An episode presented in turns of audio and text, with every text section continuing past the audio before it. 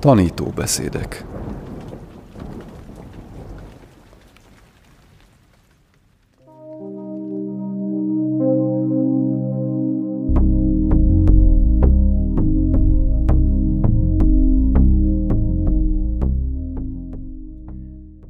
Acsán szóna.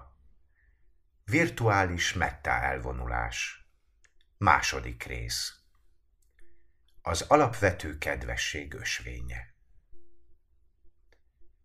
Így cselekedjen, aki a jó úton jár, és ismeri a béke ösvényét. Legyenek rátermettek és becsületesek, beszédük legyen őszinte és kedves, legyenek alázatosak, és kerüljék az önteltséget. Legyenek elégedettek és nyugodtak. Teljesítsék kötelességüket, és legyenek mértékletesek. Legyenek békések, nyugodtak és bölcsek. Legyenek jók, és kerüljék a büszkeséget, és ne legyenek követelőzők. Ne kövessék el a legcsekélyebb dolgot sem, amivel magukra vonnák a bölcsek rosszallását. Ezek a Mettász utta legelső sorai. Ezek a szeretetteli kedvesség szavai. Ez a szeretetteli kedvesség előfeltételeinek leírása, ahogyan a Buddha mondta. Ez talán az egész buddhista kánon leggyakrabban recitált, legtöbbször elismételt szuttája. Azért szerettem volna ezzel kezdeni, mert ezen az elvonuláson nem egyszerűen arról van szó, hogy arra szeretnélek rávenni titeket, hogy hirtelen kedvesek és barátságosak legyetek, hiszen az könnyen ahhoz vezethetne, hogy frusztráltak legyetek tőle. Ez nem könnyű, és nem olyasmi, amiben a legtöbb ember könnyedén el tud merülni. Ha azt mondanám nektek, hogy ne legyetek ennyire mohók, dühösek és tudatlanok, hanem mindig kedvesnek kellene lennetek, az valószínűleg nem segítene sokat. A buddha tehát egy tanító, egy szisztematikus tanító, és ő a legjobb. Ugyanakkor nem misztikus. A misztikusok nem biztos, hogy mindig jó tanítók. Sokféle szakmában és művészetben megfigyelhetitek, hogy vannak emberek, akik zseniálisak, amikor zenéről, festészetről vagy költészetről van szó, de teljesen reménytelen, hogy képesek legyenek segíteni másoknak, hogy a saját szakmájukban fejlődni tudjanak. A misztikusokban felmerülhet ez a fenkölt érzelem, és ragyogónak láthatjátok őket, mintha folyamatosan szeretetteli kedvességet sugároznának magukból. És még az is lehet, hogy arra bíztatnak titeket, hogy ti is tegyétek ugyanezt, de nem tudják elmondani, hogyan. Nem értik, miért nem tudjátok megcsinálni. A buddha ennél sokkal nagyvonalúbb személyiség. Ő saját maga valósította meg ezt, és van a személyiségének egy külön teljes része, ami maga a tanító. Nem tudom, tudjátok-e, hogy a buddha számos olyan rendkívüli képességgel és erővel rendelkezett, amelyeket természetfelettinek mondanánk. Igazság szerint még fel is sorolta őket, és számos tanítványa, illetve az emberi történelem során számos más ember is rendelkezett rendkívüli képességekkel, így persze érdekesebbek a róluk szóló történetek is. De általában azt tapasztaljuk, hogy az ilyen embereknek a matematika, a fizika vagy a zene terén van különleges tehetségük, vagy kivételesen erős a memóriájuk. Például életüknek minden egyes percére pontosan emlékeznek, talán két éves koruktól kezdve. A legtöbben a 98%-ára egyáltalán nem emlékszünk. Szóval igazán megdöbbentőnek tarthatjátok, amikor azt halljátok, hogy valaki képes erre. Mit mondott mindezek ellenére a buddha? Mi volt az ő legnagyobb rendkívüli képessége? És mi az, ami megkülönbözteti őt a többi, teljesen megvilágosodott tanítványától, akik követték a tanításait, és elérték ezt a magas szintű szabadságot, a szenvedéstől való megszabadulást. Nem más, mint a tanítás képessége. Azt mondja, Az összes képesség közül a tanításra való képesség a legnagyobb, a leghatalmasabb, legcsodálatosabb erő. Tanítani valakit. Tisztelet azoknak a nagy tanítóknak, akik nem kapják meg a megfelelő megbecsülést. Az emberi lények nem olyanok, mint a rovarok, vagy akár az egerek. Nagyon sok tanításra van szükségük. Még akkor is nagyon sokat kell tanulnotok, ha már húsz évesek vagytok. Az az ember, aki nem részesül tanításban, és semmilyen támogatást nem kap, teljes káosz, gyakorlatilag menthetetlen.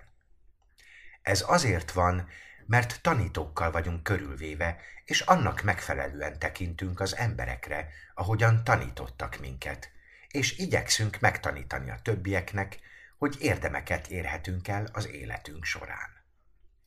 Az egyetlen feladat csupán az, hogy ki tudjátok választani a legmegfelelőbb tanítókat. A legjobb tanítók valójában azok, akik a megfelelő szavakat tudják mondani nektek a megfelelő időben. A szavak gyűrűje akkor ragyog a legfényesebben, ha a megfelelő személy mondja őket. Ez tehát a tanítás lényege, ahogyan a Buddha az adott hallgatósághoz beszélt az adott pillanatban. A Buddha már nincs velünk. Ránk hagyta a tanításait, és mi, akik valamivel kevesebbek vagyunk a Buddhánál, nem mindig tudjuk pontosan, hogy az adott pillanatban egyénekként mire van szükségetek, mit kell hallanotok. Néha szerencsénk van, eltaláljuk, és ti is megértitek. Nem él olyan tanító a világon jelenleg, akinek a képességei felérnének a buddha képességeivel, de megteszünk minden tőlünk telhetőt annak alapján, amit ránk hagyott. A szutták tehát ajándékok, amiket a Buddha hagyott ránk, nagyon értékesek számunkra. Újra és újra elmélkedünk rajtuk. Nem olyasmik ezek, amiket végigolvastok, mint egy technikai leírást, aztán kidobjátok, ebben tényleg el kell mélyedni. Amikor tehát megpróbáljuk kifejleszteni magunkban a szeretetteli kedvességet, az önmagunk iránti kedvességgel kezdjük, és felismerjük, hogy olyan lények vagyunk, akik képesek tanulni, tanítható emberek vagyunk, és hogy meg kell értenünk, miről szól ez a folyamat. Mi vezet ahhoz, hogy elérjük ezt a fenséges eredményt? Emlékszem, hogy tegnap beszéltem a szeretetteli kedvesség megfogalmazásáról, a Bráma viharáról, a mettáról, a szeretetteli kedvességről. Hogy ez egy olyan állapot, mint amiben az istenek élnek. Olyan, mint az égi paloták. Van Torónak egy nagyon szép mondása, ami hosszú ideje elkísér. Ha az égben építettél palotákat, akkor ott van a helyük. Most helyezd el alájuk az alapokat. Tekinthettek csillogó szemű idealizmussal arra a lehetőségre, hogy megtanuljatok ezekben a mennyei kastélyokban, az Istenek lakhelyén élni, de engednetek kell, hogy ez magával sodorjon titeket, mint egy jó zenemű, amiben néha elmerültök, ami felemel titeket. Egy jó vers, vagy akár egy jó beszéd, ami magával sodor titeket. Ne féljetek ettől, engedjétek el magatokat, és engedjétek, hogy ez megtörténjen. De ne legyen belőle egy olyan misztikus élmény, ami csak úgy megtörtént veletek. Az emberek ezt drogokkal és különféle tapasztalásokkal próbálják elérni. Extrém élményekkel, különféle interakciókkal akarják előidézni. El akarnak jutni oda, mert ha egyszer megtapasztaljátok, szinte bármit megtennétek, hogy újra ott lehessetek. A buddha azt mondja, ne legyetek ennyire kétségbeesve. Létezik az út, ami oda vezet. És ez valójában annyira nem is varázslatos, hanem olyasmi, amire ti magatok is képesek vagytok, de rá kell jönnötök, hogyan csináljátok. Tegnap beszéltem arról, hogy mi a szeretetteli kedvesség. Ma pedig arról szeretnék beszélni, hogy hogyan kell ezt csinálni. Ez tehát a térkép, amit a Buddha adott, az instrukciók ahhoz, hogy fel tudjátok építeni ennek a finom érzelmi tapasztalásnak az alapjait. Ez a szeretetteli kedvesség szutta első része. Csak nagyon kevés olyan szutta van, amit a buddha ezzel kapcsolatban hagyott ránk, bár a buddhizmusnak nagyon fontos célja a szeretetteli kedvesség, amit az egyik leghasznosabb, legjövedelmezőbb érzelemnek tartanak. Az egész univerzumban csak egy olyan van, ami még ennél is nagyobb dolog, mégpedig a mulandóság, az anicsa, dukha, anattá felismerése, a belátás, ami elvezet a végső megszabaduláshoz. A szeretetteli kedvesség a legüdvösebb és a leghasznosabb érzelem. Ez a befektetés térül meg a legjobban. A jelenben is jólétet biztosít számotokra, és minden percben, amikor benne időztök, és hatással van a jövőre is, szóval hatalmas, valójában felbecsülhetetlen mértékű eredményeket produkálhat. És a buddha tovább folytatja. Nem áll meg ennyinél.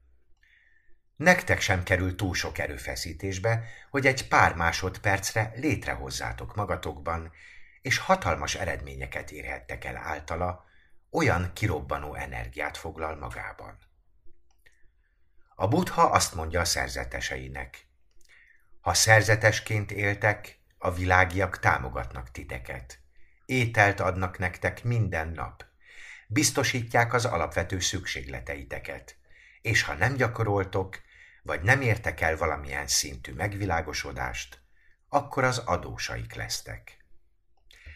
Elég durva dolog ilyet mondani a szerzeteseknek, hiszen a szerzetesek nagy része nem megvilágosodott, így főleg a kezdetekkor bűnösnek is érezték magukat emiatt. Néhányan le is vették a köntösüket, mondván, nem vagyok méltó erre, nem érdemlem meg, hogy a világiak tápláljanak és ellássanak a szükséges holmikkal. Talán jobb lenne, ha itt hagynám ezt az egészet, nem hiszem, hogy képes vagyok elérni a megvilágosodást. Ezért a buddha adott egy újabb tanítást. Azt mondta, szerzetesek, ha képesek vagytok megvalósítani a valódi szeretetteli kedvességet, akár csak annyi időre, amennyi idő alatt egy korty tej kispriccel a tehén tőgyéből, már nincsen adósságotok a hátralévő életetekben elfogadhatjátok az alamizsnát, és a támogatást a világiaktól, és nem kell bűntudatot éreznetek. Ez nagyjából egy vagy két másodpercnyi időtartam. A legtöbb ember még soha nem fejt tehenet, ahogy én sem. De a buddha idejében ez egy elég elterjedt tapasztalat volt, ezért beszélt róla így. Egyébként ez egy nagyon szép hasonlat, mert egy korty tejről van szó, és az emberek ezen éltek. A borjú is az anyja tejénél, az ember is anyatejenél. Ez tehát egy adag a szeretetteli kedvességből, mert a szeretetteli kedvesség is egyfajta táplálás és gondoskodás az emberek iránt. Az anya gondoskodása nélkül nem tud önállóan létezni az ember. Általa élünk. Ha tehát pár másodpercre meg tudjátok ezt valósítani, szabadok vagytok. Ez az a jólét, amit elérhettek általa. Így ez alatt a tíz napig tartó elvonulás alatt is igaz, hogyha pár másodpercig meg tudjátok valósítani a valódi szeretetteli kedvességet, megfigyelhetitek, mi történik, hogyan változik meg általa az életetek, milyen következményekkel jár. Szóval legyetek nyitottak rá. Nem szükséges, hogy végig úgy sodródjatok a tíz nap alatt, hogy közben egész idő alatt fenn is tartjátok. Bár azt kívánom nektek, hogy így legyen, még utána is. De ha csak pár másodpercig sikerül, már is olyan mértékű pozitív energiát hoztok létre általa a tudatosságotok rendszerében, a testetekben és az elmétekben, ami egyszerűen felmérhetetlen. Nem lehet formákkal és számokkal meghatározni azt, amit ezáltal kapni fogtok.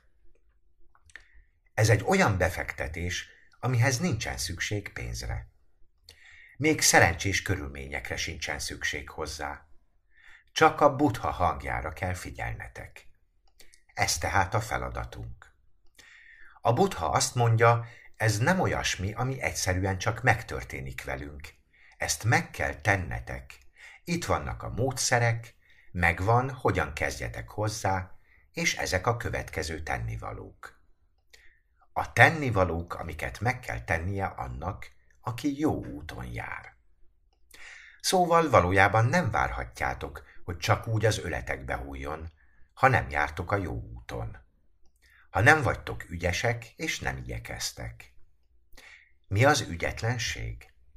Azt jelenti, hogy nem vagytok ügyesek az érzelmek terén, hogy elmerültök a haszontalan érzelmekben, amelyeket az öt akadálynak nevezünk, a vágyban, a zaklatottságban, a haragban, a gyűlöletben, a szétszórtságban, a lustaságban, nehézkességben, a depresszióban, a tisztánlátásra való teljes képtelenségben, más szavakkal a kételyben, olyan dolgokban, amelyek egyáltalán nem hasznosak.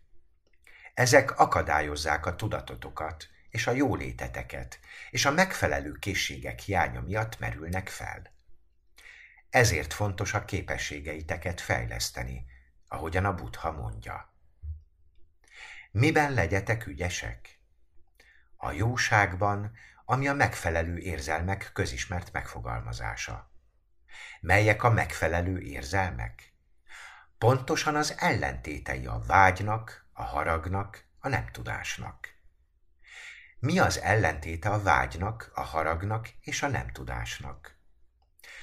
Nos, a vágynak két ellentéte van. Az egyik természetesen a nagy lelkűség. A nagy lelkűség nagyon üdvös dolog, és ha nagy lelkűek vagytok, akkor a jó úton jártok. Megjelenik a birtoklás elengedésének érzése is, amit lemondásnak nevezünk.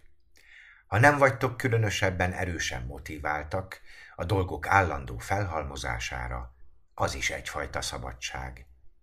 Jól érzitek magatokat, és elégedettek vagytok. A nagy lelkűség és az elégedettség üdvös érzelmek. A következő haszontalan érzelem a harag. Mi a harag ellentéte? A jó szándék. A jó szándék lényege pedig természetesen a szeretetteli kedvesség. Nem kell azonban folyamatosan elmerülnünk a szeretetteli kedvességben. Ez nagyon nagy feladat lenne. De legalább annyit megtehetünk, hogy megszabadulunk a rossz indulattól. Képesek vagyunk a rossz indulattól mentesen időzni? Képesek vagyunk legalább semlegesek lenni? Békésen, úgy, hogy nem ragadnak el az ítélkező érzelmek, nem ragad el az aklatottság és a harag.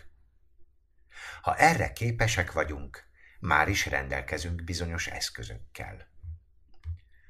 A nem tudás azt jelenti, hogy nincs elég rálátásunk a dolgokra. Ha jelen van bennetek a nem tudás, hogyan tudtok felülkerekedni rajta? Általában érdemes meghallgatnotok másokat. Szóval mások hangja által kerülhettek ki belőle. Engednetek kell, hogy ez a hang meggyőzzön titeket, mert ez a hang több tudást, több bölcsességet hordoz, így amikor meghallgatjátok, vezetni fog titeket, és érdemes lesz követnetek az útmutatásait. Nincsen ezzel semmi probléma, mindent így tanulunk meg. És természetesen a családi környezet, amiben felnőttetek, lehet, hogy nem volt annyira üdvös. Lehet, hogy azt láttátok, hogy a másokkal való kommunikáció csak kiabálva, vagy a dolgok dobálása által valósítható meg, vagy különféle negatív érzelmekkel is találkozhattok. Ez volt az egyetlen példa előttetek, hogy hogyan kell kommunikálni, hogy hogyan gondolkodjatok másokról. És ha ez a helyzet, akkor nem tudásban nőttetek fel. Ebben az esetben szükségetek van egy új családra, új tanítókra, és mindent előről kell kezdenetek, mert ahogyan eddig éltetek, az nem megfelelő. A haszontalan érzelmek tehát a vágy, a harag és ezeknek az összes árnyalata. Vágy lehet például az is, ha folyamatosan vágyakoztok bizonyos dolgok után, ahogyan az is harag, ha zaklatottak vagytok, és az unalom is az ellenszenvedj fajtája. Az unalom egy olyan állapot, amikor nem vagytok megelégedve a helyzettel, nem szeretitek. Meg kell vizsgálnotok az érzelmek teljes spektrumát, készítenetek kell egy szótárt az érzelmeitekhez. Végig kell mennetek mindegyiken, és meg kell vizsgálnotok, hogy valójában mennyit tudtok közülük besorolni a vágy, a harag és a nem tudás fő kategóriái alá. Ugyanígy nem szabad megelégednetek a folyamatos nyugtalansággal, az összpontosításra való képtelenséggel, a nehézkességgel, tompasággal sem.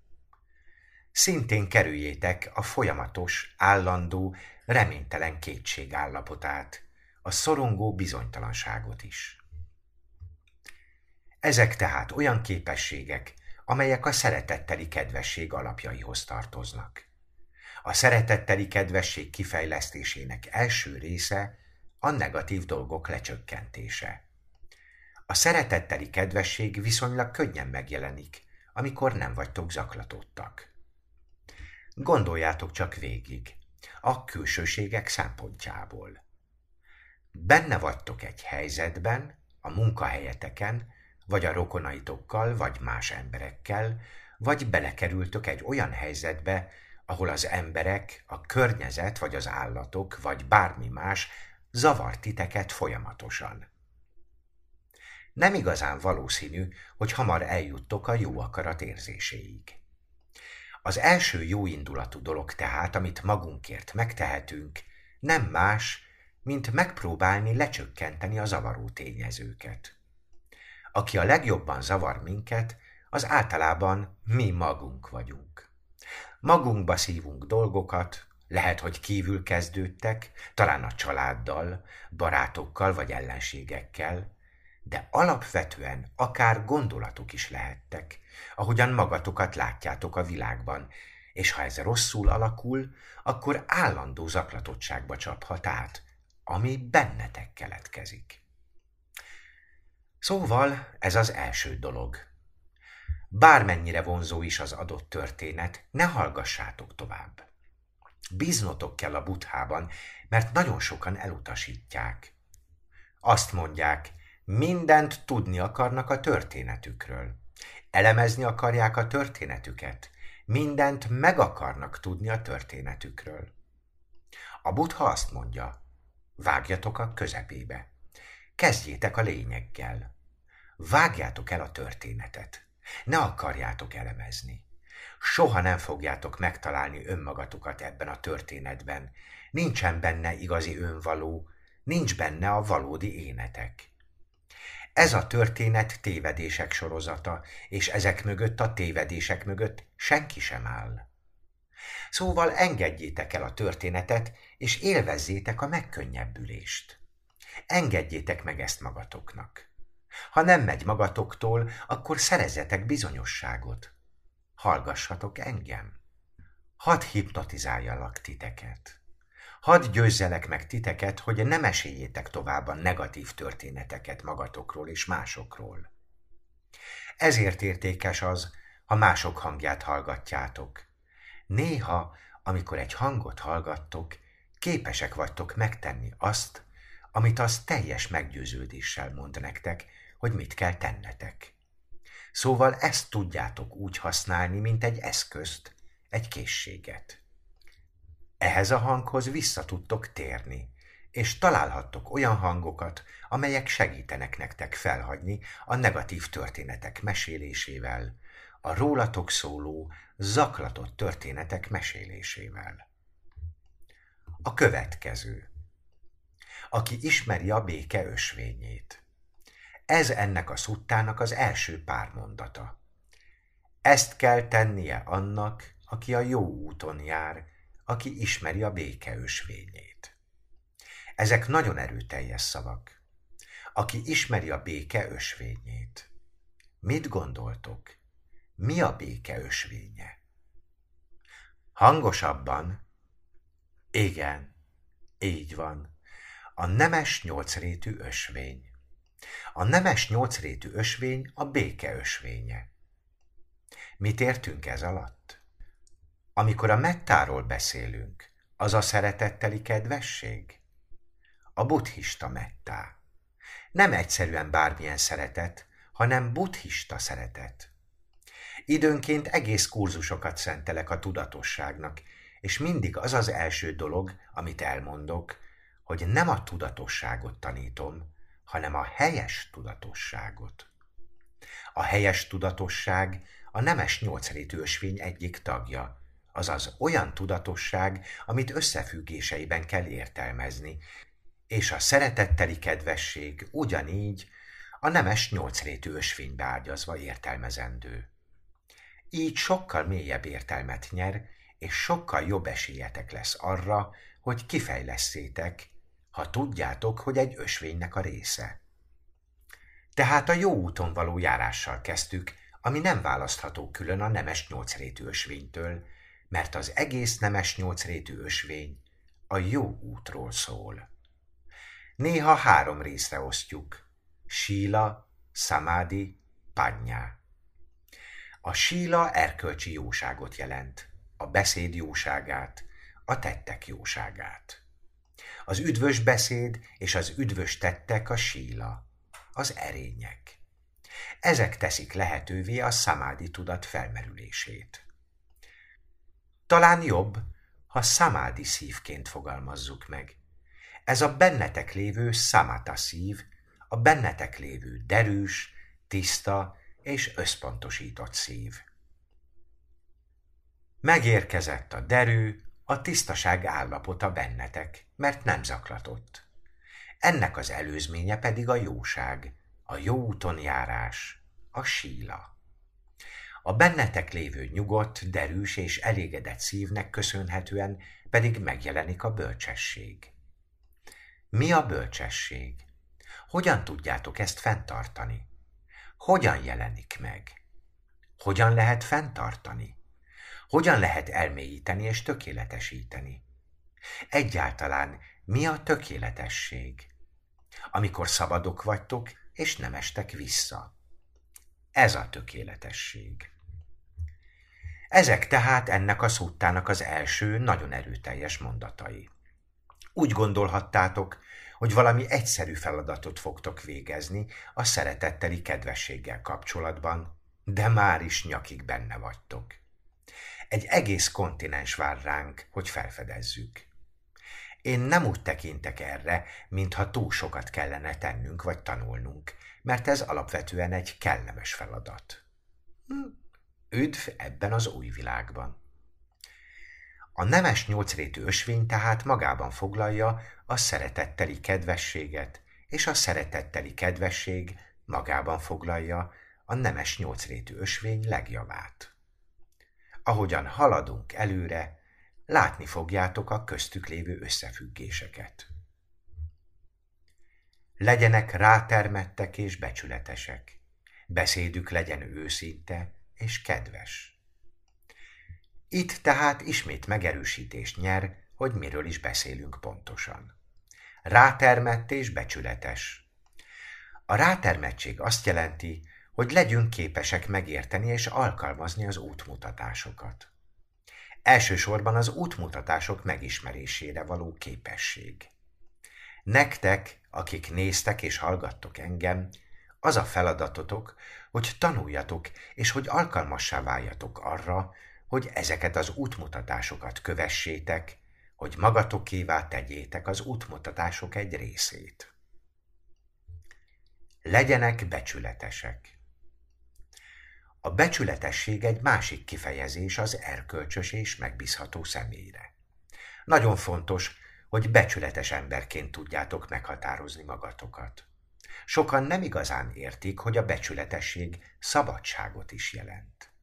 A becsületességgel kapcsolatos dolgok nagyrészt azért válhatnak homályossá és ingoványossá, mert hajlamosak vagyunk a jelentéktelenség szintjén kezelni őket, mint például amikor valaki hazaviszi a tollakat vagy más apróságokat a munkahelyéről, mondván, hogy egy olyan nagy cégnél dolgozik, ahol úgy is sok van ezekből, és egyébként is annyiféle módon manipulálják az embereket, szóval igazán nem számít, ha hazavisz néhány gémkapcsot vagy ilyesmit. Tesz ilyet egy becsületes ember? Meg lehet győzni ezzel az érveléssel? Nem. Azt mondja magában. Ez megvetendő. Vissza kell vinni ezeket az apróságokat, mert ha nem nekem szánták, nem vehetem el. Ez nem méltó hozzám. Ez egyszerűen nem méltó hozzám, ezek olyan jelentéktelen dolgok, amikben egyáltalán nem kell részt vennem. Az én tisztaságom, az én létezésem könnyedsége sokkal értékesebb annál, hogy ilyesmikbe ártsam bele magam. Egyszerűen nincsen rá szükségem. Úgy viselkedtek ilyenkor, mint egy király vagy egy királynő. Felette álltok ennek az egésznek, és ahhoz, hogy felette álljatok, csak annyi kell, hogy úgy gondoljátok, felette álltok. Ha annyit ér a becsületetek, mint egy gémkapocs, akkor mik vagytok? Királyok vagy jobbágyok? Nyilván jobbágyok. Emelkedjetek felül ezen, barátaim. Legyetek becsületesek. Ez az a tartás, amiről a Buddha beszélt. Tudjátok, az ember egyenesen jár, az állatok vízszintesen. Ti egyenesen jártok, maradjatok emberek. Nem attól vagytok emberek, hogy két lábon jártok, hanem attól, hogy egyenesek vagytok az érdemek és az erkölcsi felfogás szempontjából, és ennek szellemében alakítjátok az emberekkel való kapcsolatotokat is. Így váltok emberré. Ahhoz pedig, hogy valóban emberek legyetek, magasztosságra, nemességre van szükség. Ha tehát nemesek szeretnétek lenni, semmi másra nincs szükségetek, csak megfelelő gondolkodásmódra. Láthatjátok, hogy vannak emberek, akik hatalmas gazdagságba születnek. Mégsem nemesek. Fillérek is számítanak nekik, az erkölcs határán egyensúlyoznak. Homályban élnek, mert nem képesek valóban magasztosan viselkedni. A magasztosság, a nemesség nem függ a vagyontól. Felette áll a vagyonnak. Őszinték. Ez azt jelenti, hogy nincsenek állandóan titkos ügyleteitek, főleg manipulatívak nincsenek. Néha előfordulhat, hogy van valamilyen titkos ügyetek, és segítetek valakinek.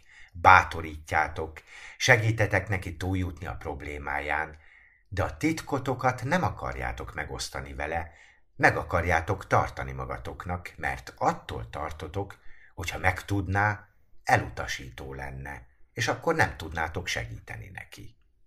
Szóval vannak olyan dolgok, amik jó, ha titokban maradnak. De alapvetően őszintének kell lennetek az emberekkel. Nem szabad manipulatívnak lennetek, sem negatív értelemben, sem azért, hogy hozzájussatok ezáltal valamihez. Végül beszéljenek kedvesen. Ez a kedves beszéd nagyon érdekes, mert ez egyfajta visszacsatolás.